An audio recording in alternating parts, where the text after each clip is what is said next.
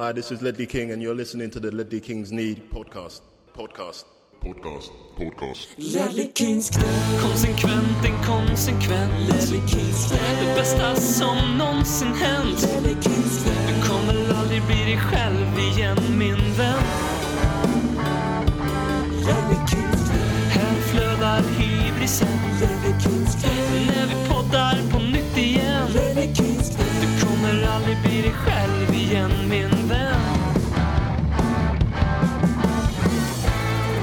hörselgångar plockar upp vibrationerna från Segertågets radioteater. Vi säger varmt och hjärtligt ihjälslagna till veckans avsnitt av Lelle Kins knä, din trygga lilla boj i bukten. Robin heter jag och beväpnad till tänderna som jag är för att dissekera den senaste Spurs-veckan så har jag med mig från orten med de dubbla mackarna längs med E45an våran durtonartskompande berbatorvdyrkande Peter Hector. Hur är det med dig? Jo, det är bra. Jag funderar lite hur fan spelar man dur på trummor? Men jag, jag ska djupdyka lite i den, den frågan. Men eh, stä, visst stämmer man trummor? Vad stämmer man i? Ja. Bess? Eller vad stämmer man i? Nej, det stämmer inte en tonart, utan det är ju mer eh, klangen du vill åt, så att säga. Ja, precis. Är det. Hur är det själv? Ja, med mig är det väldigt bra. Eh, Du stämmer ju lite mer i, i, i dur med din gitarr i alla fall. Ja, precis. Hur, hur mycket spelar du nu? Eh, mycket, mycket lite faktiskt. När jag spelar så är det för att spela in en jingel till Ledley Kings knä. Typ. Har det varit Det blir ju i och för sig inte mer att, stort eh, än så, skulle jag säga. Vi, eh, jag har ju spelat i band ett tag, men när unge nummer två kom så kände jag att eh, kvällarna behöver vigas åt... Ja, förutom den kvällen som vigs åt Ledley Kings knä då, så, så behöver kvällarna vigas åt familjen. Så Alltså, du har ju fattat det här helt, helt fel, Robin. Alltså, det är när Ja. barn nummer två kommer som man ökar spelplanen. som man drar. Ja, jag fick ett, ett väldigt gott tips av han som var musiklärare på eh, mitt gamla jobb. Han sa att du måste boka spökspelningar, Peter. Och då frågade jag, vad är spökspelningar? Jo, men det, det är så här att för varje gig du gör så lägger du undan ett par hundralappar för varje gig. Mm. Och sen så lägger du in i spelplanen, liksom, när du är riktigt trött på frugan och barnen så har du liksom en spökspelning i spelplanen. Så att då Ja. säger du till frugan att ah, men nu åker jag och spelar, vi spelar i Landskrona här på lördag. Och så åker du bara sätter dig på en stubbe i skogen hela lördagen. Och så har du liksom med dig de här hundralapparna från alla andra gig. Och så kommer du hem och så har du med dem och frugan tror fortfarande du har varit på gig. Så att spökspelningar är att rekommendera Robin. Det är genialt. Men vet du vad jag inser när du berättar det? Vet du vad mina spökspeglingar, spö, spökspeglingar idag är? Nej, Det, det är att jag säger att jag behöver bajsa och så går jag bara in på toaletten en kvart och så, ja, så man sitter på jag. locket liksom. Ja, ja den har man gjort. Det är mina spökspeglingar. Spelningar. Ja. Men skaffa fint. barn, övriga här, alltså, som lyssnar. Ja. Det, det är fantastiskt. Det, det är en Ja. upplevelse. Eh, BM står över den här veckan. Eh, Han kör, BM kör en spökspelning med Eller, Han sitter på, han sitter på muggen på, på toasitsen. ja. På Eh. Han är i Men, Landskrona eh, nu. Ben. Nej, han är, eh, men han är eventuellt också borta ett par veckor framöver. Men BM är ju alltid välkommen tillbaka. Men jag har hört lite småländska här. Så vi har ju täppt till det här hålet med fog. Och då har vi från EUs utkant. Eh, Smålands James Dean, också känd som Good Guy Rob. Också känd som en hunkig variant av Lasse Kongo. Ta väl emot Robert Folin. Oj, oj, oj. Tack så mycket. Jättekul att vara tillbaka. Det var ett tag sedan nu, tror jag. Det var någon, ett par gånger förra säsongen, tror jag. Men eh, Mm. då var det nog, jag har för mig det var väldigt deppigt då. Det var ju någon i den här, den här vårperioden eh, av de här matcherna. Du frågade ju mig innan, gick du på många matcher förra året? Och då sa jag det, Mm. ja det gjorde jag ju. Sen försökte jag komma ihåg en match. Själva matchen i sig är ju bara, var ju liksom bara ett svart hål då. Det är raka motsatsen till nu. Mm. Man minns ju liksom var man har varit varenda match i princip och man minns matcherna väl. Det är fan... Eh, nej, fint.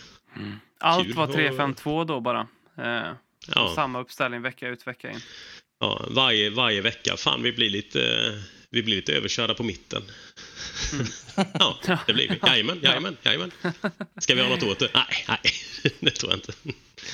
Du sitter i Hawaii-skjorta. England som eh, upplever en ruggig brittsommar nu. Det är varmt i London. Ja, vi, vi bara kör här. Det är de tropiska öarna. de tropiska brittiska öarna och då pratar vi ju inte om kolonierna utan då är det ju faktiskt hemön. Det är ju allt som är kvar i princip. Ja. Eller ja, det beror ju på hur man räknar med de som erkänner ku- kungen får man ju säga. Jag höll på att säga drottningen. Det känns... Ja. ehm, ja, det, är, det är galna tider. Ingen drottning och eh, 23 grader i mitten av oktober. Fint. Mm. Så det har, varit, eh, det har begått några enheter innanför hawaiiskjortan idag och eh, stått och lagat pizza ute i, i trädgården. Nej, otroligt. Man såg ju det när man såg matchen mot uh, Luton som vi kommer komma in på här att eh, det är sommar i, sommar i England. Men du, du bor ju där i, um, i U-land, förlåt, i-landet. Kan du ta, igenom, kan, kan du ta oss igenom liksom dina matchdagsupplevelser på vad jag förstår är The Black Horse med lite gestaltning? Jag förstår att det är liksom ditt tillhåll nu. Ja, det är ju lite förlängda, förlängda eh, vardagsrummet. Som ligger, det ligger ju en pub då typ, eh, alltså den vad kan det vara, 200 meter från huset ungefär. Och ägaren Darren är ju Arsenal-fan, men han, han själv säger att puben är en Tottenham-pub på något vis. Jag antar att han har fler Tottenham-vänner än han har Arsenal-vänner. Och det är ju ändå stort av honom att han liksom ger den det. Så att eh, det har ju varit lite fler bortamatcher nu med i början av den här säsongen än, än eh, hemmamatcher. Så det har blivit en hel del där. Så igår var, det, var jag där med dottern. Det var bara hon och jag där. Hon skötte sig otroligt bra. Jag trodde hon skulle tröttna efter sådär en 10-15 minuter, men nej, lite, lite kritor och eh, lite mat. Och eh, hon frågade faktiskt rätt mycket om fotboll och sådär. Det var ju 10 minuter in så kom den här frågan. Pappa, pappa, vil- vilket är vårt lag? För Det är hon- hon har hårt att du ger henne kritor att äta, tycker jag. Lite... Ja, men du vet, det är tuffa tider. Det är the cost of living crisis, som de säger här. Och, eh, ja, man, får, man tar vad man har. Ja. Fan vad man önskar att det var en eh, livepodd detta där man kunde titta i hawaiiskjorta, shorts och sen kall öl bara. Alltså det här är, det är det finaste jag har sett i år tror jag Folin. Ja, men det är skönt att man kan bidra lite, bringa lite glädje härifrån. De här öarna. Ja. Det var det som är.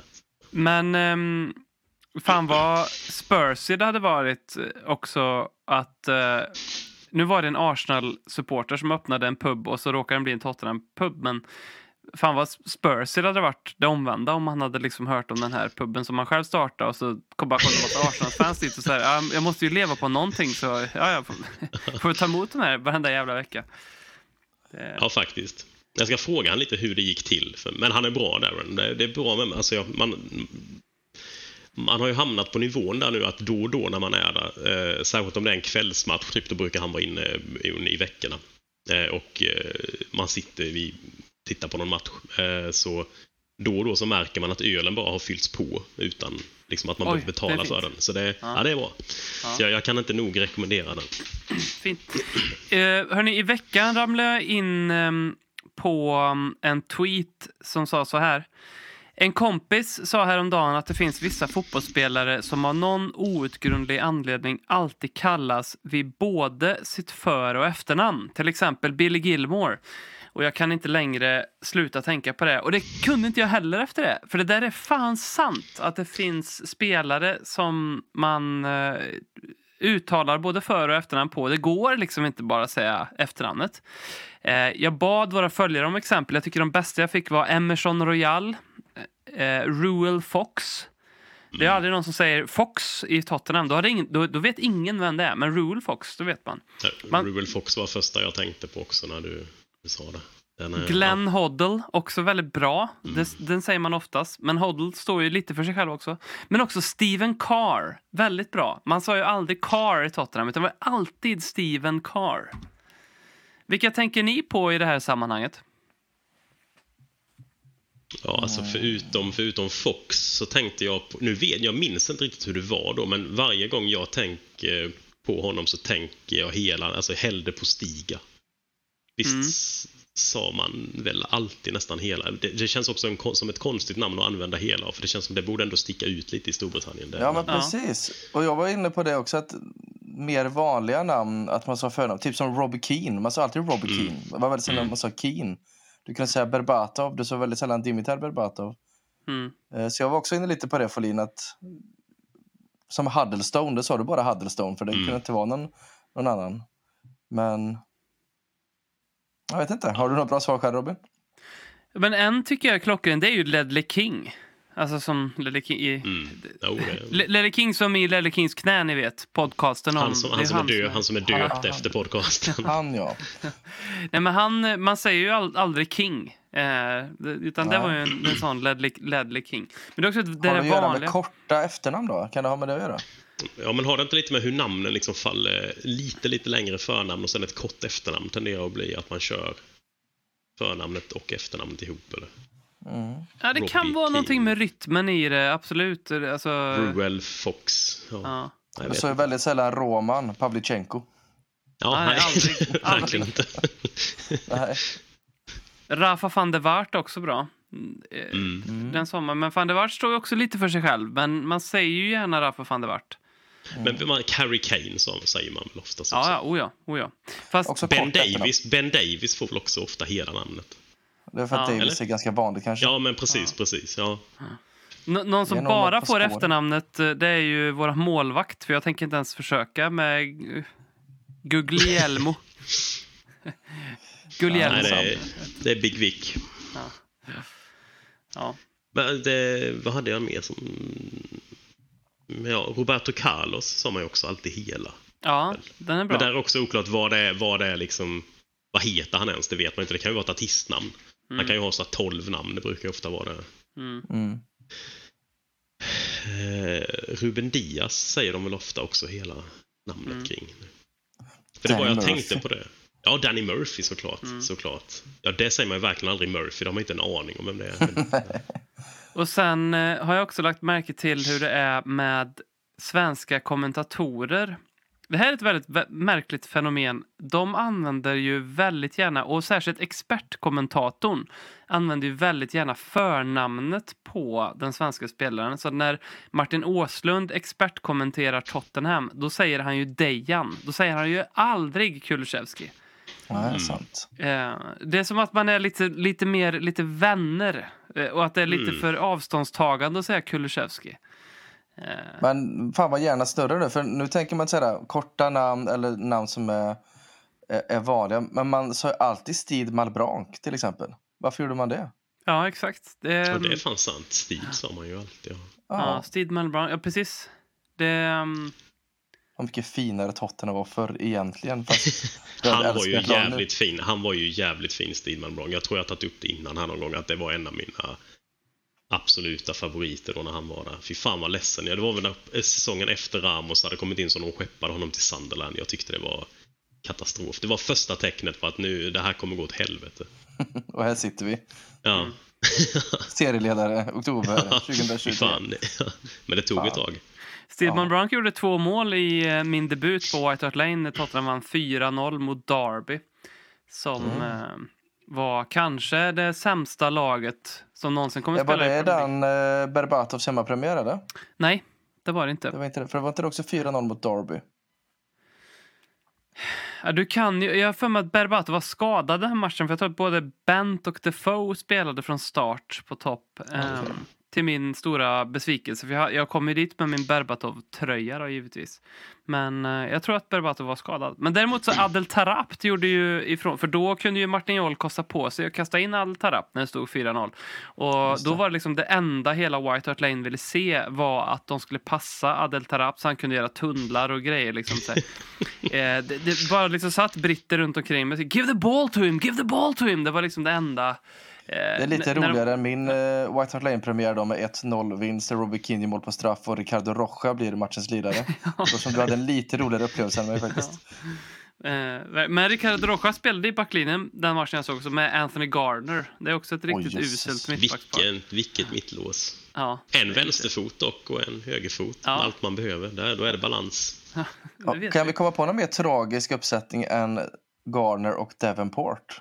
Ja, ja stackars Davenport. För den är ju värre än Rocha. Ja. Rocha hade ju Ja. sina stunder.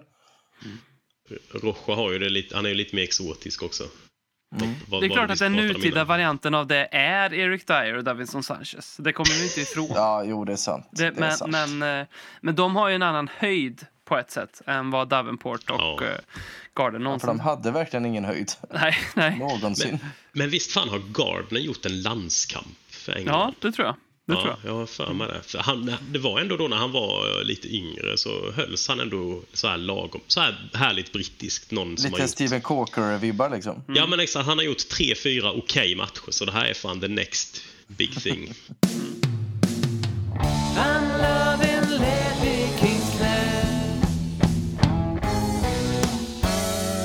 På tal om eh, lag som eh, kanske inte håller måttet för Premier League så iklädda vårt eh, tredje ställ. Färgen inspirerad av blöt kartong och smaklös chokladglass som vi visste sen innan. Så eh, reste vi till Luton, den lilla orten utanför London, känd för sin hattfabrik men också för att man är ett näste för både ji- jihadister och nationalister. Eh, riktigt stökigt ställe. Härlig Ehm, kombo. Är det bara väldigt- jag som tycker att det här tredje stället är typ det snyggaste bortastället vi har haft på många, många, många år? Ja, Jag det tycker det är jag. okej Jag också. Jag, det. tycker det är okej. Jag kanske inte tycker det är så eh, otroligt snyggt, men jag tycker inte det är riktigt så fult som en del. det är Jag du tycker och det på- han som valde det på Nike. Ja, men jag tycker det påminner lite om det här... äh, Om vi går tillbaka till det här äh, Marbrag. Jag vet inte fan om han var med. Men det var Berbatov och det här bruna Det vi bruna, hade som ja, jag tyckte ja, var så Mm. jävla snyggt. Med gulddetaljerna Ja, på. den var var ju det? Ja, ja, ja. Men det är ju långt ifrån den färgen. Det är det, men det påminner lite om åt det hållet. Jämfört Ja. med det här tråkiga gula vi har haft. Och... Nej, jag gillar ju ändå när det... Ja, e- en ny grej jag tänkte på med det här stället. Det var ju att ne- de och den här, det är någonting med om det är textilien som gör att det ser lite ostruket ut. Jag vet inte om ni förstår vad jag menar, men det, det, Alltså, jag har aldrig sett liksom Robin så här besviken hela mitt liv, tror jag. nej, Det ska vara välstrukna fotbollströjor. ja precis. Eller fo fotbollsskjortor. Den ser lite prasslig ut. Ehm, sådär. Jag gjorde en grej här för att eh, jag ville dyka ner i den här med mm, hattillverkningen som Luton är känd för. För att jag eh, vill göra lite research, research. Och då fanns det ju 500 eh, hattillverkare i Luton på 1800-talet. Det är ju, det är ju lite ballt. Ehm, men eh, jag bad då ChatGPT, min, min trogna vän. Jag skrev så här. Har du en kul hattanekdot från Luton? För man vet ju aldrig vad man kan få. Och då fick jag det här från ChatGPT. I Luton är maskotarna för fotbollslaget Luton Town som spelar eh, bla bla bla, mycket älskvärda och kända. De heter, de, det är två apor som heter Hatters Harry och Happy Harry. Genast där blir jag lite lite eh, osäker på om de verkligen var apor. Men ja, ja. Deras utseende är inspirerat av de klassiska hattarna som är så förknippade med staden och hattindustrin. En rolig anekdot är att Luton Town en gång hade ett ögonblick av citattecken maskotförväxling under en match. Istället för att de två apmaskotarna Harry och Happy skulle komma ut på plan sprang en helt annan maskot ut. En stor gurka. Detta blev snabbt en viral sensation. Jag undrar... Jag, jag har inte vågat dubbelkolla det här om det hände eller inte. För att alltså, har ChatGPT bara hittat på det här så är det ju en... Det är ju väldigt roligt om Luton liksom så här, har några maskotförklädnader och däribland en liten gurka man kan trä på sig också. Man kollar ju aldrig en sån där story. Man utgår ju bara från att det är rätt. Ja, jag hoppas det. Eh, Det är ju som man önskar att den, den bara ska sprida sig också. Ni vet, alltså sådana här grejer som man, man bara vet något om någonting men man har ingen aning om var det kommer ifrån. Där Ja. Luton, det jävla stället där de har gurkor som maskotar vet jag. Exakt. Nej, nej fy Nej, fan. titta. men eh, så var det med dig i alla fall. Eh, Peter, vad, vad säger det om eh, vårt lag att vi vinner den här matchen? Jag tycker väl att det säger ganska mycket egentligen. Nu ska vi väl kanske ha 2-3-0 i halvlek. Och våran gode Richarlison ska väl ha gjort eh, två baller själv. Men att ändå... Jag vill ju intala mig att en, ett Conte-Spurs hade inte eh, gått vinnande ur den här matchen. Utan då vi hade legat lågt och kontrat utan att lyckas. Så att jag, jag tycker att det säger jävligt mycket. Sen är det lättare att vinna en sån här match med de matcherna vi har i ryggen. Eh, ett par kryss och några förluster så jag tror inte vi vinner den här, men det, det säger någonting om någonting. Vi vinner mot ett jävligt dåligt Luton, ska sägas. Eh, men tre poäng är tre poäng och det är det som räknas. Starkt. Alltid starkt att vinna med en man mindre. Du var ju inne på att det här skulle bli säsongens första förlust. Mm. Varför då? Ja, men det säger sig väl självt. Kryss borta Arsenal, vinst hemma Liverpool, åka till Luton där man bara ska vinna. Mm. Alltså ordet Spursy, folk, vissa gillar det, vissa hatar det. Det kan inte bli mer Spursy än så. Så att göra det icke Spursy, åka dit och vinna med 1-0 mer eller man mindre, det, det kanske säger mer än segern hemma mot Liverpool om man ska vara helt ärlig egentligen. Det, det är någonting som eh, är väldigt annorlunda i Tottenham jämfört med många, många, många år, skulle, skulle jag säga. Mm. Och om vi kommer in på det här röda kortet då, Folin. Alltså, hur tycker du hur tycker du att vi hanterar det som lag? Alltså det går väl inte att göra så mycket bättre än, än det vi, vi gör, tycker jag. Alltså vi, kanske, ja, vi kanske blev lite... Nu tyckte jag vi inledde ju andra halvlek med att anfalla ganska mycket ändå. Men vi, jag, vi ställde om lite mer defensivt än vad vi skulle göra, tro, tyckte jag till att börja med. Men det funkar, det föll ju väldigt väl ut. Eh, Höjbjerg gjorde det ju jättefint. Det, jag tycker det är kul att se att han... Alltså, jag säger inte att han köper rollen han har, för det tror jag inte han gör. Jag tror han vill slå sig in i laget. Men han, alltså, han kan ju inte göra mycket mer än det han gör just nu. Han gör ju inte bort sig när han kommer in och hjälper ju till att stabilisera det väl. Sen är ju Dejans andra halvlek tycker jag är helt enorm. Det jävla jobbet han gör. Eh, otroligt bra. Han har också flugit lite under radarn tycker jag. Det kanske vi inte tog upp här eftersom vi pratade om det var innan podden. Vi pratade om Pedro Porro.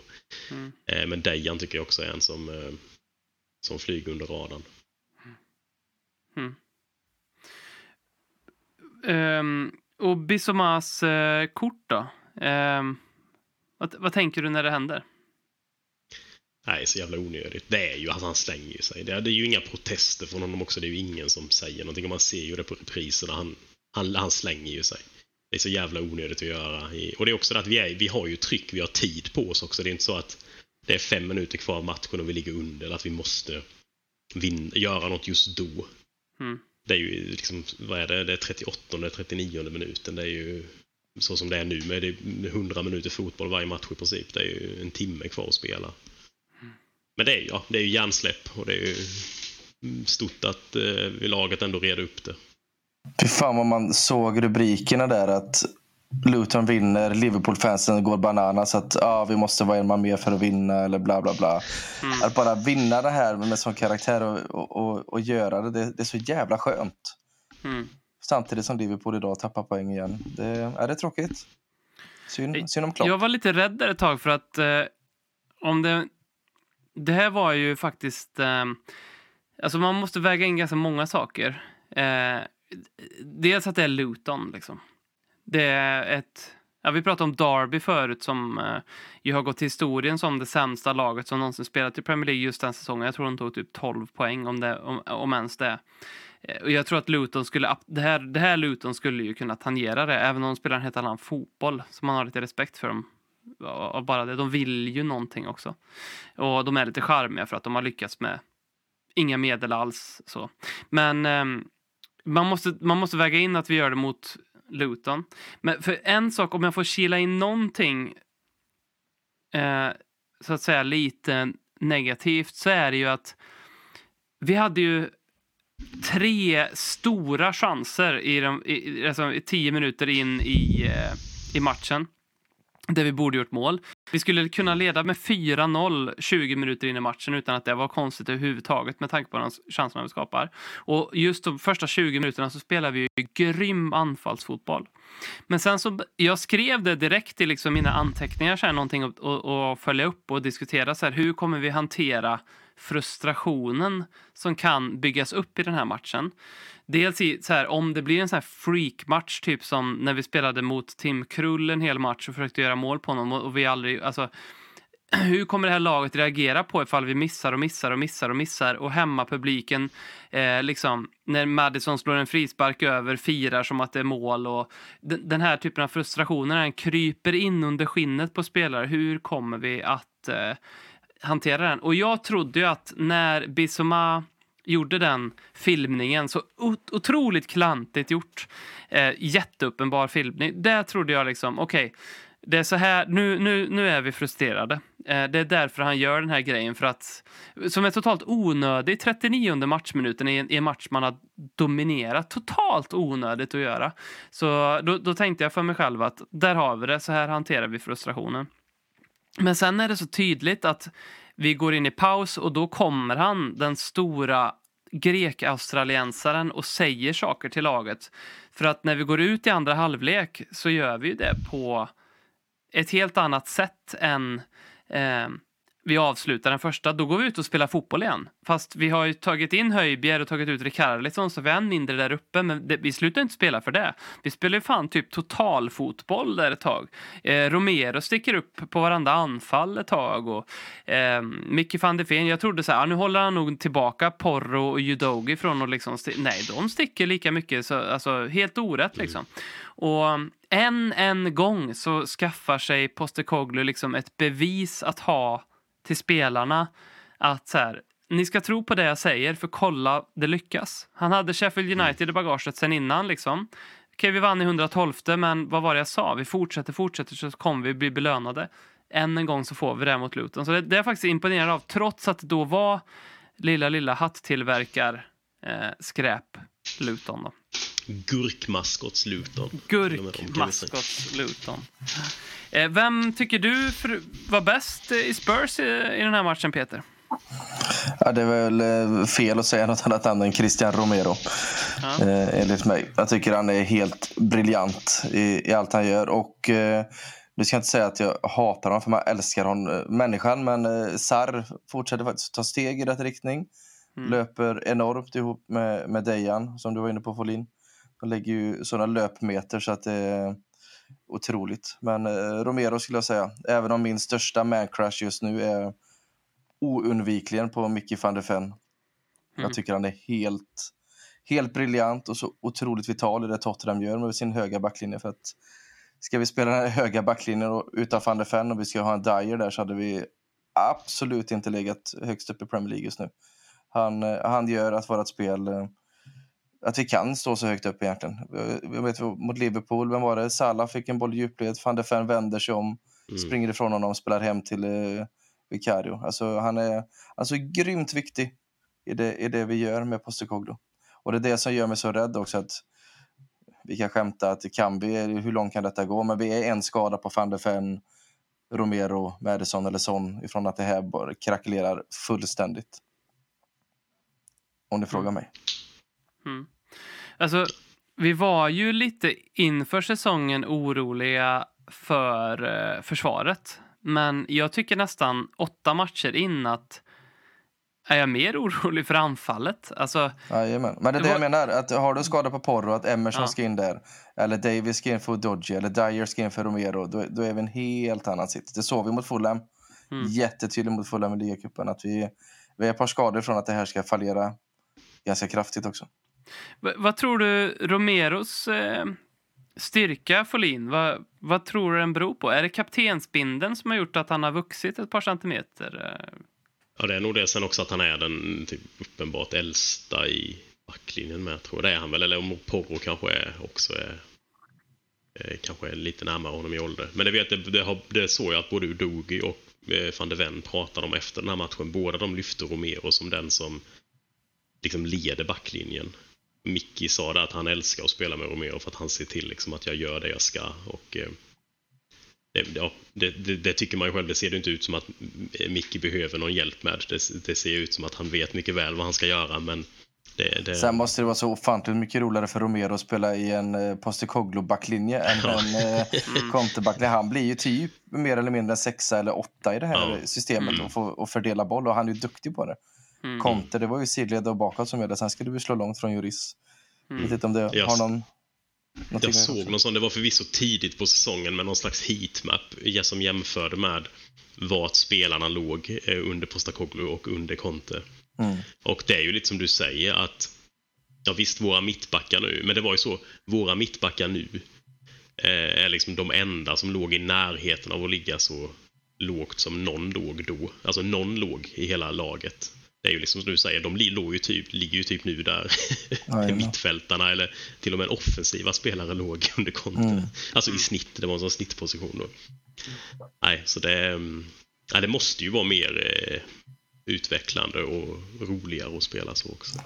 Ja, jag, tror, jag vet inte, jag såg ju dina tweets här du la ut idag Folin också om de här eh, som hade retwe- där du retweetade ett par som eh, när ryktet av Postecoglou kom ut, jag tror det var sista maj, det var Ja, flera just som skulle liksom att den här jävla tunten, vi kommer råka ut med den här jävla sopan och Ja. alltså jag gick in och kollade liksom det där No to Postecoglou, den hashtaggen. Jag kan rekommendera folk att gå in och läsa den. Ja. Det var... Det roliga är att jag tror, jag tror många av de som ligger kvar nu är då Celtic-fans som ironiskt twittrade det då. Eh, Men det möjligt. finns, det finns en del Tottenham-fans kvar som inte har varit och städat upp sin smutsiga historia. Ja, ja, Ehm, kul. Men jag gjorde ju det också lite för jag, jag vet på en av dem, eh, så jag tror det var någon talksport-grej, så hade de skrivit om det här och då var en av kommentarerna från mig som skriver att det är bara de här purple and gold nonsense som skriver det. Ehm, så jag var ju ganska tidigt på Postecoglou-tåget så jag var ju glad där. Så nu vill man ju ut och svinga åt de som... Ja, det är rätt, för jag var inte en av dem, det kan jag säga. Jag Nej, men jag tycker det är helt väldigt fine att- tveksam. Ja, ja det, jag tycker det är helt fine att vara tveksam till det också, men just... Eh, ja, ja, jag vet inte. Jag tyckte en del var överdrivet tveksamma till, till honom, om man säger så. Det Jag köper, köpte ju inte heller det här att, att man måste, alltid måste ha gjort det man ska göra igen när man kommer någonstans. Jag tyckte det var det många tyckte. att Vi hade ju liksom provat det. Vad var det Conte och Mourinho inte hade gjort innan oss? Nästan ingenting förutom att ta ett lag på vår nivå eh, och ta det upp. Visst, eh, så. Mm. Ja, det, är, det känns som att det är en match made in heaven. Det är fan precis det vi behöver också. Det är Postecoglou ger nu. Det har ni säkert sagt 3000 gånger innan. Så. Oh ja. Det är kul att... Eh, alltså man minns ju knappt hur hårt ansatt Daniel Levy var. Maj, ap- april, maj. Alltså det var ju... Varje gång man öppnade ett socialt media, framförallt Twitter, så var det bara en drös med ehm, Eh, Leave Out-kampanjen. Den, den pågår i det tysta fortfarande på ett sätt, men den är inte alls lika högljudd. Och det är intressant att eh, slå fast hur mycket den korrelerar, eller inte korrelerar, med vår sportsliga framgång då. Alltså, när ett lag spelar bra, hur, hur lite man väljer att fokusera på att man vill bli av med, med ordföranden. Och detsamma i Ja, men det är liksom- och det, ja, Ja, men det är fyra, fem månader sedan. Det är fyra, fem månader sedan bort och då har vi ändå sålt Harry Kane också. Ja. Så att stormen hade ju kunnat vara brutal. Men det är som Verkligen. du säger Robin, det, det är inte så här, men samtidigt, de finns ju där ute. Ja, oh ja. Är det Den, det, det är ju, den, den, eh, man, jag har respekt för det. Jag tycker att man... eh, För, en del av den där kritiken var väldigt befogad och, och, och på ett bra sätt. Och vi, som supporter ska man alltid eh, kunna vara ganska högljudd på ett sätt som, som man inte kanske kan jämföra med någon annan verksamhet. Så det, det tycker jag verkligen.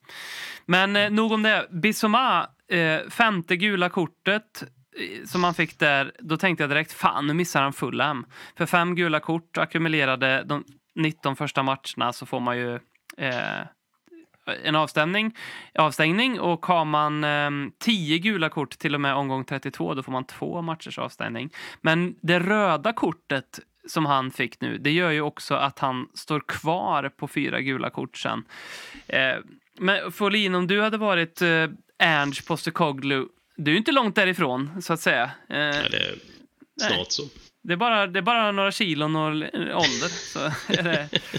Eh, vad, hur tror du att han hanterar Bissomas avstängning? Hur ser mittfältet ut mot Fulham? Alltså, jag, jag, skulle, jag skulle bli förvånad om det är något annat än att Höjbjerg kom in bara för det är han som har fått spela mest. Eh, sen hade alla varit friska så tror jag ju Bentancourt är den som bäst lämpad egentligen för att ta med den här den rollen som Bizuma har. Eh, Mest för att jag tycker att Höjbjerg är väl så, det såg man väl lite också nu när han, det kanske går att coacha in i honom nu, men nu är han väl i och för sig iväg under landslagsuppehållet, men att Eh, han är ju inte riktigt lika framåt hela tiden som Bizuma är. Bizuma gör ju det väldigt mycket. Han vänder om och bara kör på framåt. Han är ju väldigt, även om han spelar en ganska hållande roll eller börjar ganska långt ner i banan så är det ju framåt, framåt, framåt som gäller med honom. Mm. Det såg man ju på, eh, på Höjbjerg. Han, jag, jag, han fick bollen i rätt offensivt läge i andra halvlek mot Luton. Eh, och så direkt så tänkte man, först då, jag minns att jag tänkte, fan är det Porro som har den? För då kommer han köra nu. Och då stannade han direkt, vände om och passade bakåt. Så det var ju Höjbjerg. Eh, men jag tror det blir Höjbjerg som spelar där. Och eh, jag tror vi, vi reder den då.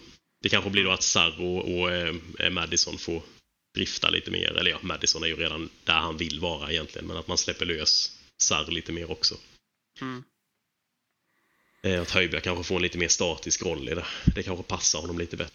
Jag måste bara säga att eh, Kulusevski har lyfts, Romero har lyfts, Sarr har lyfts, men eh, någon som flyger lite under radarn är eh, Pedro Porro eh, som har varit en av våra bästa spelare de- de här, den här, åt- de här åtta matcherna. Han, missade, han startade väl inte en match, den andra matchen eller var när Emerson Real fick hans plats. Men, men ehm, förutom det så tror jag hans... Ehm, hade inte vi haft hade inte vi fått det vi han har erbjudit så hade det märkts av.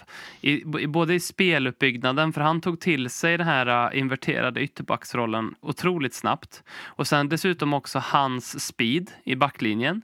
Um, otroligt nyttig eh, och klok. Och sen är han ju så perfekt för det här Postecoglou-laget för han älskar ju att gå framåt. Det märker man ju på honom. Han, han, han vill ju göra mål. Han var ju en av de här som, som hade ehm, ett friläge mot Luton och han har haft någon ribbträff redan och han är ju där framme och det första han gör liksom när bollen går ut i spel det är att elda på publiken liksom. Så han är så eh, perfekt för vårt lagbygge och det är ju lite det är ju lite kul för det är ju, på ett sätt är det lite av en snedträff eller vad man ska säga för att han var ju det när han kom till Tottenham. När vi köpte honom, alltså jag är ledsen Folin, för jag vet hur mycket du älskar Tim Sherwood, men eh, Tim Sherwood hade ju rätt när han sa det han sa om Pedro Porro, att han eh, totalt oduglig och usel fotbollsspelare. Eh, och det ska också krediteras Pedro Porro för att han har ju återvänt till det här citatet, vad jag vet i alla fall två gånger, att så här, det där kommer Tim Sherwood få äta upp, tror jag han sa första gången. Och andra gången tror jag han sa, jag undrar om, jag har inte hört så mycket från Tim Sherwood nu den senaste tiden. Eh, så att han har ju liksom mentalt gjort på bara ett halvår det Davinson Sanchez inte klarade av på flera år i Tottenham. Liksom att liksom, okej, bara bevisa att jag kan så mycket bättre. För ja, Davison Sanchez, det är inte en slump att jag tar upp det. För vad hände när han gick till Galatasaray? Ja, det första han gör mer eller mindre är att göra två assist på Old Trafford. Och sen så gjorde han mål i helgen här också. Ja, jag vet inte. Det är eh, något med psyket där. Eh, Men är det inte det som är kanske den stora skillnaden i Tottenham om, om du jämför då Emerson Royal, Dyer, Davis, Lo Celso, i viss mån Kane också. Att du får in Pedro Porro, van de Ven och Dodge Ja. med alltså jävligt rappa, jävligt snabba spelare. Tottenham måste vara ett, ursäkta mig, men det är ett helvete att möta egentligen, för det är kvicka spelare över hela banan egentligen. ja. Richarlison är väl egentligen kanske den mest långsamma vi har och han upplevs ju inte som särskilt långsam. Nej. Eller är jag snett på det här? Nej, Känns men som som ett vi- väldigt kvickt lag. Absolut, absolut. Alltså snitt med liksom så kanske det är, det- säg Dejan och Richarlison som är de långsamma. Men de är ju inte långsamma eh, som ett snitt, det kan de inte vara. Om man tar en snittfotbollsspelaren så ser man inte på dem och tänker jävlar vad trögt det går. Nej. Mm. Nej, absolut. Och sen den här drivet framåt. Jag tror det är det också, att sådana saker som att om Porro har vissa... Jag ty nu tycker jag inte han syns i år att han har haft särskilt stora problem defensivt. Men det var väl det man pratade lite om förra året. Men jag tror det är mycket lättare också att om du är driven och vill anfalla mycket att det är lättare att köpa att då och då ge allt bakåt för att du vet att liksom rent mentalt så är det inte lite, lika slitsamt att ah, ja, nu har vi tappat bollen, nu ska vi vinna tillbaka den, för då ska vi fan anfalla igen. Medan innan var det, okej nu har vi tappat bollen, nu ska vi försvara i tio minuter, sen kanske vi anfaller en, gång, om, en gång igen. Och det, där har han nog ganska mycket att tacka. Sånt som Sarr kan jag tänka mig också. För att, Mm. Visst att han, att han flyttar upp mycket. Lite, jag skulle vilja jämföra det lite med när Liverpool var som bäst. När Trent tryckte framåt. Att Henderson tog så jävla mycket löpmeter och skar ytor. Och, och bromsa kontringar och grejer. Och Sarr är väl ganska snarlik även Bissoma i sitt presspel. Att vi kommer upp och täcker de ytorna så att Porro blir inte alls lika synad i, i detta spelet. Och även Dejan lägger ju enorma löpmeter bakom. Mm. Att, vi, att det finns en plan där att även Udoji och Porro att de ska sticka uppåt jävligt mycket. Att, att vi har en plan vilka som täcker ut de ytorna. För vi blir inte så blottade som en sån som Trent har blivit i Liverpool i år. Om du förstår vad jag menar. Nej, absolut. Nej, Sarr är ju en du nämnde också som också eh, tror jag är lite underskattad i det jobbet han lägger ner. Det finns någon anledning till att han har fått starta varenda match. Eh, Absolut. Gjort otroligt bra. Han är ju... Jag skulle säga igår. Hade jag fått välja så hade jag nästan satt han som man of the match i Spurs. För att jag tror att inte vi hade bra. vunnit den här matchen utan honom. För att han tar ett sånt extremt viktigt box-to-box-ansvar i den här matchen. Eh, och kanske det viktigaste av allt är dels att han orkar löpa så länge han gör, orkar pressa så länge han gör, men också driva upp bollen i hela matchen. Han är helt jävla outtröttlig. Vad är det för jävla monsterspelare? Ja, med Han- de kycklingbenen, hur orkar han springa orkar- 90 meter Han är ju exakt det som man hoppades på att Moussa Sissoko skulle vara.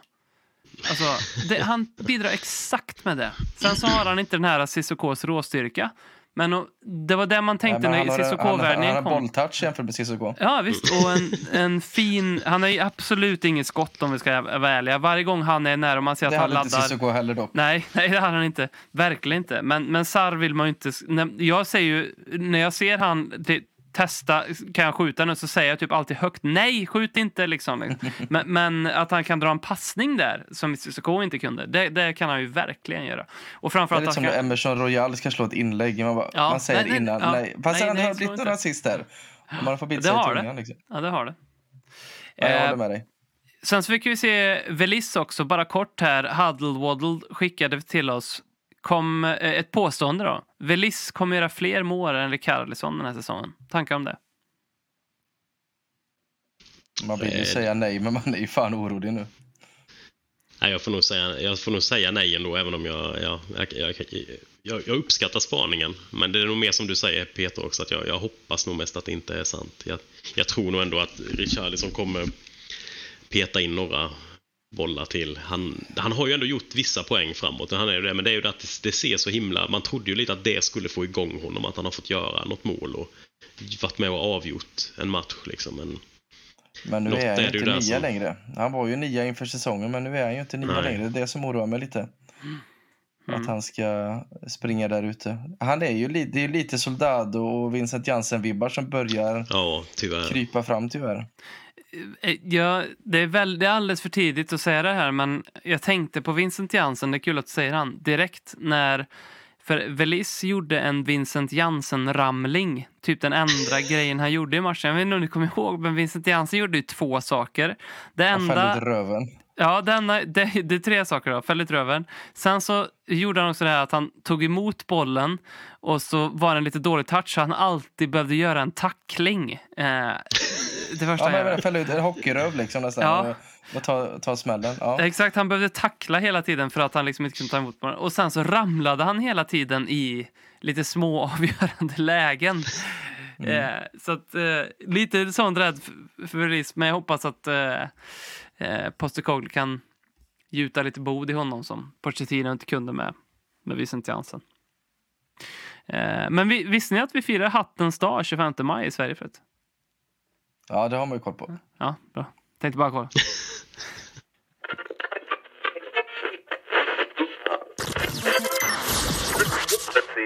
Du lyssnar på Ledley Kings knä. Du kommer aldrig bli dig själv igen. Men har ni koll på att Tottenham leder Premier League, Premier League 2 och U18? Tottenham leder alla tre serierna. Ja. Jag har hört rykten om detta. Det, det är ju inte fel. Kan Nog vi... Eller? Vinna U18, ja men Kan det vi- tror jag. Det, det, det tror jag vi har chansen faktiskt. Där har vi gått helt rent va? Det hade varit sex vinster typ, eller sju vinster av sju. Nu, nu är ni lite, lite, lite så här undviken i frågan här, lite rädda nästan. Men Nej, nej, och- nej. och- Alla svarade nej. om, om Columbus kurs alltid var på väg mot Karibien, även om han siktade på Indien. eh, Jag vet inte vad vi siktar på, men vad är vår kurs just nu? Men du kan få fråga då, som jag fick idag av min polare som håller på Milan. Milan leder Serie A för övrigt, vilket är Oj. också väldigt otroligt. Ja, men de har ett Men- väldigt bra lag också. Nej, de har ju inte det. Det har de väl? De hade Giroud i mål nu i helgen till exempel. Ja, i och för sig, han höll i nollan. Det var jävligt bra. Men jag fick frågan och för mig var det självklart. Och han sa samma. Om man hade fått en Champions League-plats nu, hade man tagit den då? Ja, ja, det hade jag gjort. Ja, Ja, samma här. Och det sa han också att han hade gjort. Säger det ganska mycket om Tottenham och Milan-supporter eller är det bara realism? Jag vet inte. Jag tror det är det som du pratade om innan med Peter, att det är ju... Det känns ju som att just tru, truppen kanske inte är så liten egentligen, men just... bredden när det gäller de rollerna som vi verkar vilja spela, där är det ganska tunt. Vi har ju spelare vi kan slänga in, men sen om de kommer kunna hantera rollerna på det sättet som Ja, de det spelar såg nu ganska gör. tydligt mot Fulham att det var inte Ja, men så. där, där var det också, för då, till, till spelarnas försvar, där var det ju nästan en helt ny elva. Det är ju alltid svårt att sätta i, i det.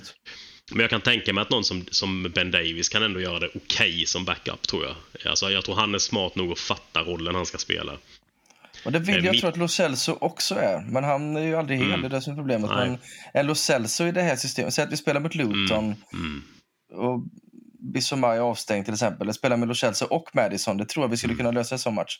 Och det har varit Mm. Absolut. väldigt intressant att se. Ja, han hoppas jag verkligen kan få några månader när han är frisk nu, för jag tror också han kan passa jävligt bra. Han har liksom lite det här drivet och det här på det vi nämnde innan om att man vill framåt, man vill framåt. Det kan gå ganska snabbt. Det känns som det här rätt Och ofta att han är ganska rivig. Ja, ja, Vilket absolut. man inte absolut. kanske kan tro i det. Men det är det när Bentancourt, eh, vi vet ju inte hur han är i slaget. Sen ska Sarr och Bissoma på afrikanska. Vi kommer behöva Lo Celso. Det, det är Mm. så. Ja, den bredden vi har på minne-mittfältet särskilt, det är väl där man är nästan minst orolig. Så länge de två kan komma tillbaka och vara någorlunda friska så har vi ändå, vi har ju sex spelare där. Fan, Mm. sju spelare till och med med skip, tänkte jag ju bara inte ens på. Ja, då är det 16. Ehm, Jag har lite samma känsla som när, ehm, men på ett annat sätt, när vi ledde ligan under Mourinho. Eh, ganska långt in på säsongen. Jag vill nästan påstå att det var i december vi Ja. ledde ligan. Och hade spelat en del fotboll. Hur många matcher har det gått då? 12, 13 kanske, något sånt där. Um, och vi ledde ligan, men vi, jag kommer ihåg så väl när vi gjorde podden att vi bara skrattade åt det för att vi, vi var helt övertygade om att vi inte skulle eh, vinna, för det kändes bara. Vi, vi, vi låg etta, men det var ju liksom på grund av att alla konkurrenter inte var tillräckligt påslagna och sen så blev vi ju sexa eller vad vi blev den säsongen. Så. Men jag har lite samma känsla den här gången att när, jag, jag tycker att vi, jag tycker det är eh, starkt att eh, att, att utmåla oss som titelkandidater trots att vi leder ligan, trots att vi är oslagna, trots att det ser så bra ut, trots att vi har ett bra kapital med spelare, trots att det verkar som att gruppen är väldigt sammansvetsad och trots att Postecoglou verkar ha fått till sitt DNA så tror jag att jag, det som gör att inte vi vinner ligan och jag tror inte ens att vi blir topp tre. Eh, det känns ganska säkert liksom att inte det, det tror jag har att göra mer med ett par, dels vår truppbredd som kommer bli ett problem eh, och sen dels att vi är Förra avsnittet hette falsk trygghet för att vi var inne på det lite grann då att vi, vi har haft, vi har mött många lag i, eh, i i botten. Vi har mött Bournemouth, Sheffield United, Luton. Vi har mött ett Manchester United totalt ur slag. Vi hade en jävla bonröta mot Liverpool. Eh, Arsenal av någon anledning inte på, riktigt påslagna när de mötte oss. Lite rädda och förlora kanske låg lite mer på dem. Så att det är typ, vi har inte haft den där matchen där jag känner att så här, Alltså mot alla odds så rider vi ut en jävla fin seger här nu eller vi, vi liksom domderar. Ja, men en alltså, de stora testen kommer bli Brighton, Aston Villa, Newcastle, West Ham. Liksom. Det är där som man kommer... Där kommer testet liksom. Där kommer testen på riktigt, Ja. tycker jag. Alltså att Ja. vi förlorar mot City eller att vi skulle torska mot Liverpool. Jag, jag, jag, jag köper dem. Men Brighton, Aston Villa, West Ham, Newcastle. Det är där jag vill se Mm. hur vi står pall. Det ska bli Mm. fruktansvärt intressant. Newcastle hemma i december också, ett lag som får mycket hyllningar, gör det jävligt bra i... Och snart Europa. Chelsea hemma också som har börjat vakna under Mm. Pochettino. Det ska också bli väldigt intressant. Det ska bli kul att se arenan också, hur vi tar emot Jag, Pochettino. jag tycker det är skönt att de har tagit någon seger så att han inte får sparken innan vi möter honom. För jag, vill, jag var orolig för det först, att jag vill dit och bua ut honom. Liksom. Jag vill gå dit och ge han skit. Jag vill vara med då. Så att eh, eh, han får inte ryka förrän det. Sen Har ni, sett, eh, har ni sett Pochettinos spelprogram runt eh, Tottenham-matchen? ja, det är, fan, det är fan mörkt. För honom då. För oss är det ju härligt. Men eh, nej, det är tuffa. eh, De har ju typ alla då. jo, De har oss, de har Newcastle, va? City. de hade hela gänget där. Ja, eh, Men samtidigt då, med det, för för jag står fast vid att vi har ett bra spelschema. Så alla, för det pratades mycket om det när Postecoglou skrev på för Tottenham. Det var det Celtic-fansen sa. Ja, men var beredda på att det kommer att se lite svajigt ut i början. Så.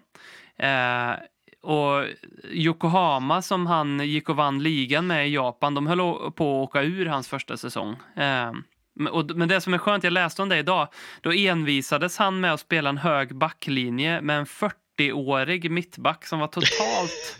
alltså om vi tror att Eric Dyer inte är kompatibel med hög backlinje så var han...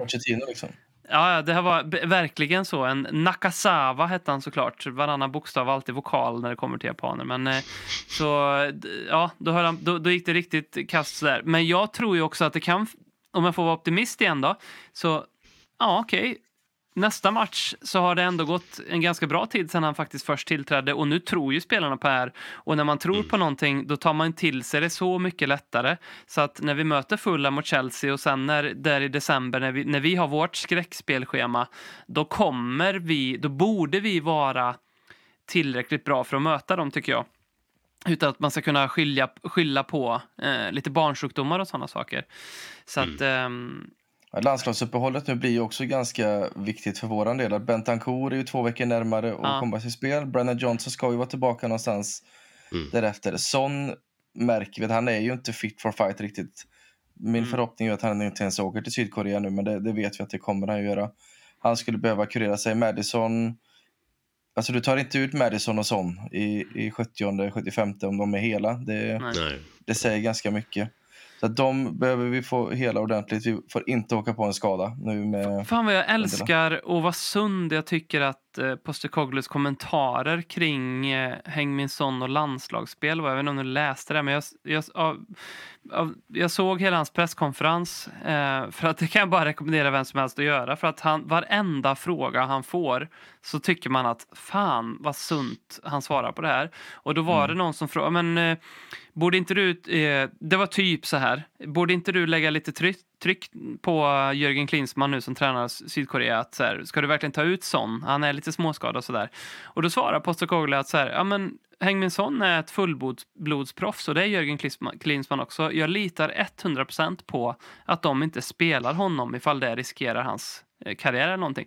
Men när han säger någonting sånt så lägger han ju på ett sånt bra sätt ett ansvar på framförallt Det Hängmin blir ju Son. ett tryck fast åt andra hållet. Det, det blir ett positivt tryck för att det kan så, slå så fel ut när en tränare säger att jag tycker inte att han borde spela eller att han ringer Klinsmann och säger ta inte ut alltså, Då kan det bli en så här, då jävlar, då ska jag fan spela. Det skiter väl jag i, ditt jävla Tottenham. Jag ska vinna min match med Sydkorea.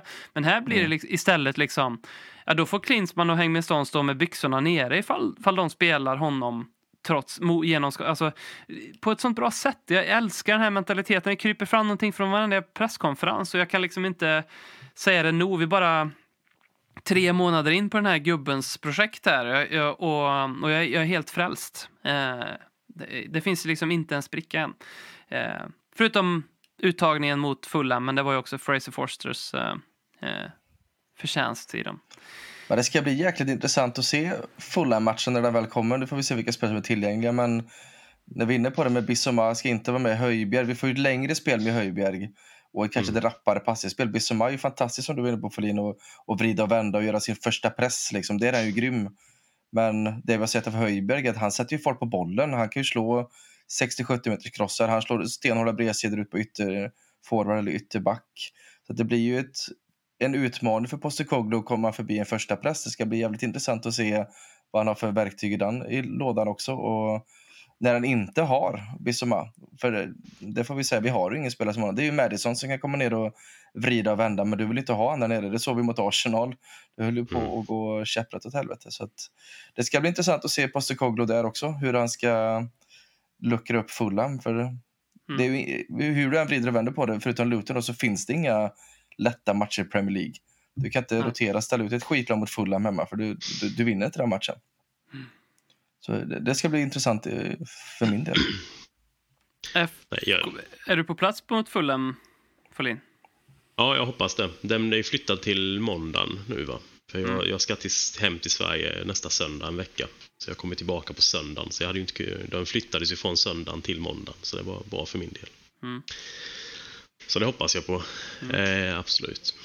det är ett dags. Man får ju passa på nu med. Det är så jäkla långt emellan hemmamatcherna. Man märker ju det när eh, det inte är något Europaspel och vi röker den här kuppen med en gång att det blir ju lätt fyra veckor liksom emellan gångerna och det är ju, det är ju tråkigt i år liksom när man faktiskt vill gå och kolla på fotbollen också. Att det inte bara är pubbarna och eh, hänget kring matchen som är det underhållande utan att faktiskt kolla på fotboll är kul också. Det är ju en härlig omväxling. Alltså jag tänker att det kan vara någonting bra med det också. För att det blir, en hemmamatch blir lite mer helig.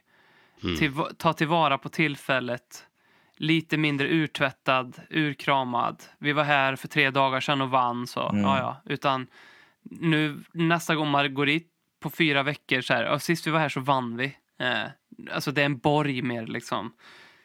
Och jävla bra för Tottenhams del den här vändan om det är måndagsmatch. Att spelar landslaget, säg att Sydkorea spelar måndag eller tisdag så är det liksom 6-7 dagar Ja. tills Fulham hemma. Att vi kan få någon extra dag och rehabba de här killarna. Det kan vara, det kan vad vara en fördel för oss. Vad är den största skillnaden, Folin? Vi har ju vritt och vänt på detta väldigt många gånger i den här podden, vad som är största skillnaden mellan Conte och allt det. Men- Men du som har varit på plats, vad, vad upplever du? Vad ser du, hör du, luktar du, känner du när du är där? Alltså det nu är väl det här att det finns en tro på det som man verkligen märker. Och också som, som jag var på Sheffield-matchen, att även när de ledde, okej det var kanske några minuter precis efter målet som trycket gick ner lite, men sen tog det ju fart igen. Som särskilt nu under förra våren så var det ju att så fort så fort man släppte in ett mål så gav vi folk i princip upp. Det, fann, alltså det, det märkte var verkligen så. Folk hade ingen tro på att det här löser vi nu. Mm. Ehm, att, att den tron finns där oavsett vad. Eh, och också, folk är ju glada. Det var också en sån, innan varje match i våras så var det ju att liksom, ja, nu är vi här igen för att vi måste ungefär. Nu är det ju, folk vill ju gå, man försöker ju köpa biljetter av folk. Det, kan man inte gå, det är någon match jag inte har kunnat gå på nu som jag har fått lägga ut på den här ticket exchangen. Den ryker ju på liksom en, kvart så är den ju borta. Ehm, det är en helt annat tryck kring det och glädje i det. Eh, men också just stämningen inne på arenan, för den tyckte jag var... Det har jag sagt rätt, under rätt många år nu, att jag tyckte den har gått ner sig rätt mycket från redan under... Sista säsongen på White Hart Lane var speciell, för då, då kändes det som att då ville folk gå så mycket som möjligt och det var en lite annan atmosfär där då. Det, då var det väldigt bra också. Men sen den tiden så har det verkligen gått, tycker jag, gått ner för höjderna har varit väldigt bra på nya eh, på Tottenham Stadium eller på nya White Hart Lane. Men eh, nivån har varit jävligt ojämn. Det är en helt mycket jämnare nivå nu tycker jag. Folk liksom kör bara. Det är, lite, det är som laget, liksom, man, man svarar ju på hur laget spelar. Men Det är du som bor och, och lever där, liksom, hur mycket hör du Levi out och Inic out nu jämfört med under Conte-tiden? Inte, inte mycket nu. Alltså folk, jag tror fortfarande folk tycker det. Jag, var, jag är också rätt så kritisk mot dem och jag har, inte, jag har sagt att jag har inte glömt bort det ännu. Jag var också väldigt kritisk mot dem i, i våras. Sen inte på den här, eh, alltså det finns så att du döpte ditt sociala medienamn till en lila och gul... eh, Nej, jag har inte, jag har inte riktigt gått, gått Nej. så långt. Och det Nej. hoppas jag aldrig jag gör, för då hoppas jag Men- någon kommer att ta mina barn. Men du har letat upp emojisarna bara så att du vet att de finns där. precis, precis. Jag har dem i telefonen ifall det verkligen skulle gå åt helvete. Ja. Men nej, men, men det tror jag ändå det finns fortfarande en liten... Eh, jag tror alltid det har funnits lite miss, eller under en ganska lång tid funnits sådär lite misstro som, mot, mot Livy och Inic om just det här, vad är det de säger, profit before glory-grejen. Det är ju ingen ny grej som kom under våren utan den har ju funnits från folk i flera år egentligen. Men det känns som att den har eskalerat sedan den säsongen vi inte värvade Ja, ja, spelare. ja. Den, ja, precis. Den tog ju fart där och under förra, men under förra våren var det på en helt ny nivå. Då kändes det som att när man gick på match att majoriteten här inne vill ha väck Livi särskilt. Eh, Men det har ju försvunnit nu. Det är ju ingen Efter som den sommaren han investerade absolut mest pengar egentligen på. Ja, ja. Men det var ju. Ja, We ja. want Leave You Out. eh, Det hörde man ju till och med på tvn här i Sverige att det ja, sjöngs ja. från... Ja. eh, Det har inte varit en enda gång det här varit, vad jag vet, den här Nej. säsongen. Så Nej, att, och det var Ja. väldigt tydligt eh, då också. Och då, men då tror jag det var mycket att folk under, när Conte kom in så fick han också en litet eh, då, då fick ju Livi ett litet break i att för Conte gjorde det ju bra i början och då fanns det energi i laget också. Det var ju också en sån sak som var konstig att se om man jämförde med första månaderna under Conte jämfört med hur det slutade. Det var ju Mm. helt, två helt olika världar. Men att, att, att, att fansen gav Livi eh, tid nog bevisa. För de, jag tror de flesta tänkte att han kommer inte göra samma miss som med Mourinho, att han inte, låt, att han inte köper det som Conte behöver. Sen tror jag Conte var nog lite kufig att handla till. Eh, ehm, men när man då märkte att Pedro Porro kom in sista dagen på transferfönstret i januari och att folk tyckte överlag att du har liksom inte köpt, även om du som du sa Peter, det investerades mycket pengar i det, så tror jag folk tvekade på att har han verkligen lagt det på det som Conte ville ha. Och, för nu har han ju lite gjort, känns det som att nu har han lagt väldigt mycket på Postecoglou, att han får vara med och styra. Vilket det kändes som han kanske inte helt gjorde under de tidigare. Nej. Men om, om man vänder mot det vi pratade förut om Pochettino. Jag, jag var ju verkligen en Pochettino-dyrkare. och var, han var, Det ska jag inte hymla med. Han var högst upp på min lista i somras. Jag ville ha hem Pochettino och det var väl något romantiskt över det som har varit såklart. Men är det enhälligt? För jag är ju totalt vänt mig mot honom. Han är ju liksom död för mig nu. Är det så för gemene man? Eller finns det fortfarande klick liksom som romantiserar Pochettino? Jag har nog inte träffat någon där som jag har pratat med som, som romantiserar honom alls längre. Det känns som att jag hade blivit jätteförvånad. För jag vet att det var visst någon som sagt, ja det var, vad heter han, eh, Gold på eh, Football London. Eh, som sa i någon av hans podcast att ah, det ska bli intressant att se vad Pochettino får för mottagande. Och jag tänkte, hur, det är väl inte intressant alls? Det känns Nej. jätteuppenbart. Ja. Jag hade blivit jätteförvånad om det är något annat än inte Sol Campbell-nivå, men nästan där. Alltså, det är den känslan jag får. Att folk är ju bara, fuck, alltså att han är helt... Man pratar liksom inte om det han gjorde längre för att man vill inte ta i det. Ja, men för hans namn sjöng ju också på vårkanten här. Det var ju Mauricio Pochettino och His Magic, you know. Det, sjöng, det var ju typ den ramsan vi hade i slutet på förra säsongen. Ja. Eh, och förutom We Want Leave You Out. Och jag tror ju att i en... eh, jag, jag tror faktiskt att Pochettino inte riktigt själv är beredd på vad han... Jag tror att han kan tänka att nu åka till Tottenham, det var en speciell plats. Jag kommer bli mött med lite respekt, men de kommer inte hylla mig för jag är Chelsea. Men jag tror inte han är, faktiskt Nej, förstår riktigt. eh, Och han är Tror- ju... tror- Han är ju helt körd nu. Alltså han, är, han kommer ju all, alltså Pochettino kommer inte träna Tottenham igen. Det går Nej, nej, inte. nej. Alltså så länge som Nej, nej, nej. och det har ju inte jättemycket med- att göra att han valde Chelsea så, utan det har ju med massa olika faktorer att göra, så länge Levy är kvar i alla fall. För att för Levy är ju det en enorm prestigevinst i att han har lyckats så bra med Postecoglou och att det går så dåligt för Pochettino i Chelsea nu. För att om Postecoglou drar eller om han får kicken så kommer ju aldrig Levy ringa Pochettino för att det, det, då, får ju, då, då ser det ut som att Levy har, inte har en aning om vad han håller på med överhuvudtaget. För han är ändå... Men tro, Livi känner ju lite att Postecoglou är ett S i rockärmen. Lite grann sådär. Eh, att men han trollade fram någon som, som inte fanns där. Då vill jag inte gå på fansens kelgris. Och, och nu dessutom inte ens fansen kommer skrika efter honom så är ju Nej. Pochettino long gone. Det är ju inte, det är ju bara, det är ju tror bara att gå ni, tror ni vidare. att det speglas av med att... Bara en öppen fråga nu. Jag vet ju svaret på vad jag tycker, men vad ni tycker. Men påverkas det någonting att vi flyger som fan med, med eh, Postecoglou nu och att Pochettino går dåligt i Chelsea? Om vi tänker att det var tvärtom nu, att Chelsea hade gått svinbra. De hade spelat den här eh, Tottenham-fotbollen med Chelsea och vi hade gått skitdåligt med Postecoglou. Hade vi sett ner lika mycket på Pochettino då, tror ni? Eller är det nu extra att vi går bra och de går dåligt?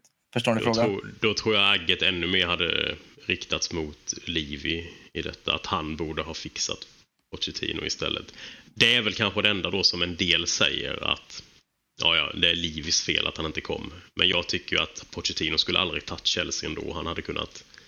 Det, det måste ha funnits något annat som var åtminstone i närheten av lika... Alltså om han hade brytt sig om sitt Tottenham Legacy så, så skulle han aldrig rört Chelsea oavsett om Livi hade hört av sig eller inte. Så jag, jag tycker, där tycker jag då som ändå kan vara ganska kritisk mot Livi att det ligger inte alls på honom. Och eh, all heder till honom om han liksom bara tyckte att nej, vi har gjort detta. Jag vill inte gå tillbaka dit. Jag kanske gjorde ett misstag, men jag tror ändå inte på det. Fair enough, om det var det du tyckte.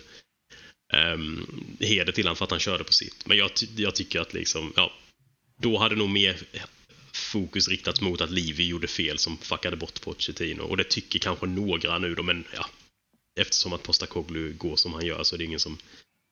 Ja, men det, var lite det jag ville Mm. anspela på. Så att jag, intressant I. Pochettinos fall så tror jag att det handlar... Jag tror att, det, att han är dead man walking för Tottenham-fans. De, de, den graven har han byggt, eh, grävt helt själv. För att han dels så väldigt populistiskt slängde han sig med grejer när han tränade Tottenham att han en dag aldrig kommer ta över Arsenal.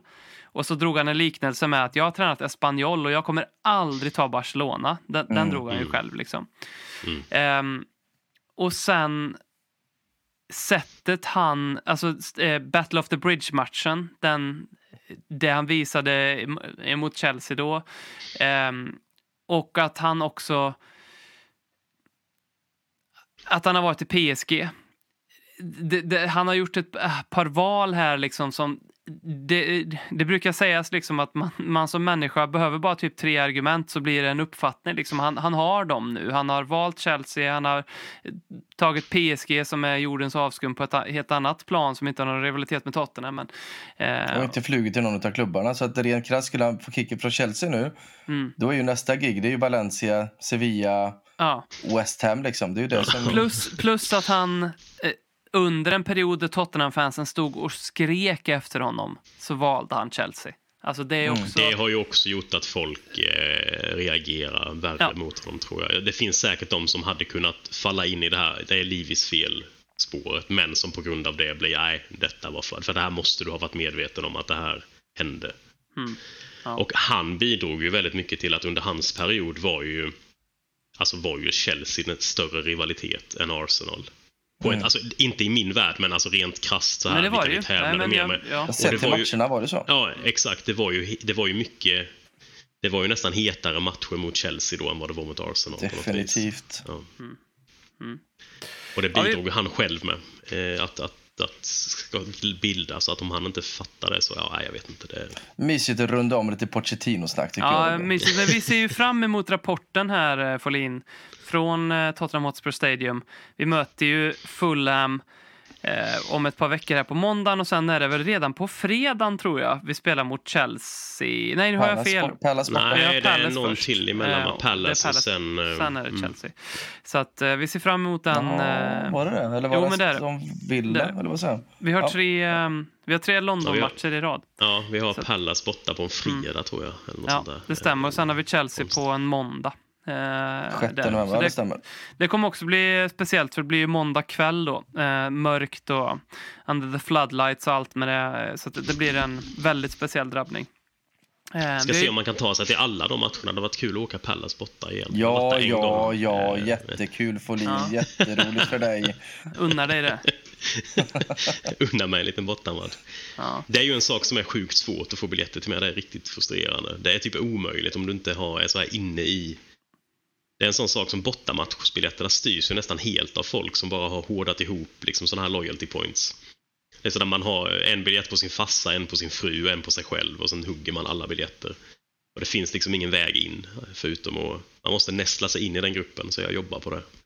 Det får bli en Lelle King eh, knäsresa hemma. precis, låter det precis. som. Och så blir det Ja, par precis. pers där. Och Mm. i, i, på Folins kontor ser det ut som vi ska hänga lite. Robert. Ja, Ja, det det ser är väldigt spännande plats. ut där. ja, Den whiteboard-tavlan där i bakgrunden, vad står det på den? Ja. Nej, men... Watch ehm, out, står det. Vi pratade ju om eh, det här med Lutons hattillverkningshistoria. Eh, historia. Eh, jag eh, gjorde lite mer research och eh, glömde ta det förut, så jag tänker vi kan avsluta med det. För jag tyckte att jag gjorde en sån otroligt eh, tvåplussig spaning som hör hemma i slutet på ett podcastavsnitt av Lellekins knä. Och dessutom nu när svenska regeringen har dragit ner på anslaget till folkbildningen här hemma så måste ju vi steppa upp med lite folkbildning. Eh, så då, då kan vi, alltså, är det inte kul att hatt, hattkulturen, eller vad man ska säga, har såna distinkta, pregnanta namn. De heter liksom Fedora-hatt, cylinderhatt, Panama-hatt, sombrerohatt, tyrolerhatt. Och så har vi ju plommonstopet. Man blir ju glad varje gång man läser ordet plommonstop, eller för den delen skull få säga han hade på sig ett plommonstop. Vet ni varför det heter plommonstop? Nej. Nej. För att stop var en måttenhet och eh, det blev ett pojkstreck att sno plommon från träd och lägga i en hatt och då fick man ungefär ett, ett eh, stop fullt med plommon i en sån hatt. Och då blev det plommonstop. Då kan vi gå ut på en grej. då. Nu får det, du får säga ett namn då som vi går ut på. Ja. Är ni redo? Ja. Dagens trupp. Vem är liksom vem klär bäst i hatt i dagens Tottenham-trupp?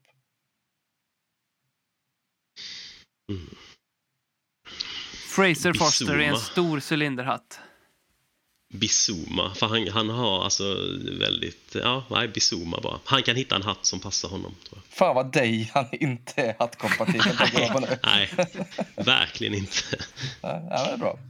Han, kommer, han ser nog ut som jag gör varje gång jag sätter på mig hatt. Det ser ut som att jag har cancer och försöker dölja det. Sådär. Det, det är någonting... ja. Ja, jag hoppas... Men eh, tack för, till er som har gjort det. Eh, och eh, vi hörs nästa vecka. Hej! Ha det bra. Du har lyssnat på ännu ett avsnitt av Ledley Kings knä. Stöd oss gärna genom att gilla och dela avsnittsinlägget. Vi hörs! Gjuten i skogen i Värmeland Där kommer vår podd ifrån Konsekvent, inkonsekvent Det bästa som någonsin har hänt. Ah, du kommer aldrig bli dig själv igen. När du lyssnar på Radioteatern Nej, du kommer aldrig bli dig själv igen. Inga andra poddar förutom Lelle Kings knähav vid din sida.